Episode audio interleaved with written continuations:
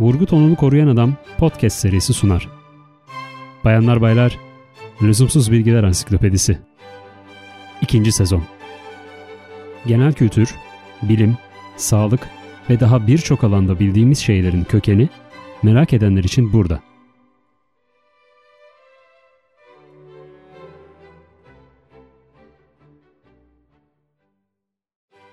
Müzik nedir?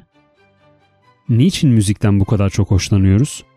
Düz biçimde konuşarak söylenebilecek bir şeyin değişik ses dalgaları ile söylenmesinden niçin hoşlanırız? Müzik niçin keyif veya tam aksi hüzün duygusu verebiliyor?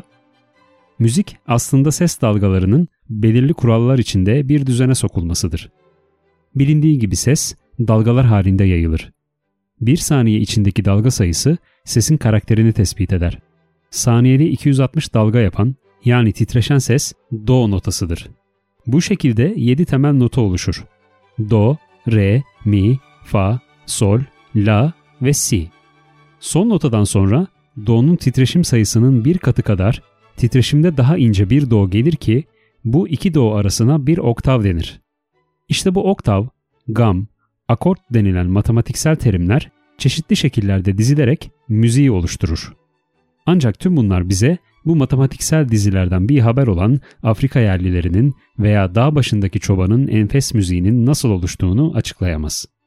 Aslında kültürün müzik ve bundan alınan zevk üzerinde doğrudan ilgisi vardır. Doğu müziğinde yukarıda belirtilen matematik dizilerdeki perdelerin arasında karışık gezinme, Afrika'da baş döndürücü ritimler, Avrupa'da ise notaların ideal düzeni öne çıkar.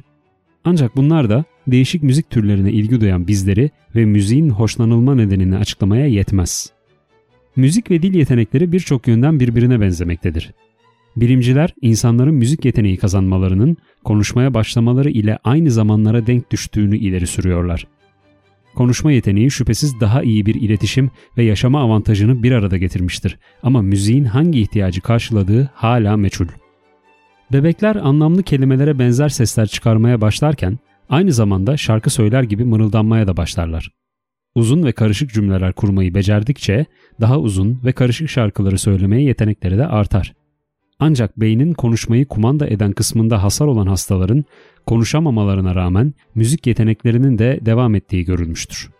Son zamanlarda beynimizde müziği algılayan bir alıcı bulunabileceği tezi ileri sürülmektedir. Eğer bir gün bu alıcı bulunsa bile bunun niçin beynimize konulduğunun sebebi yine anlaşılmayacaktır. Öğretilme yoluyla bir çeşit dans yapabilen veya dans olarak algılanamayacak hareketleri olan canlıları saymazsak, doğada müzik ve ritim duygusu sadece insanda vardır. Bu özelliğin nedeni ise hala tam olarak açıklanamıyor.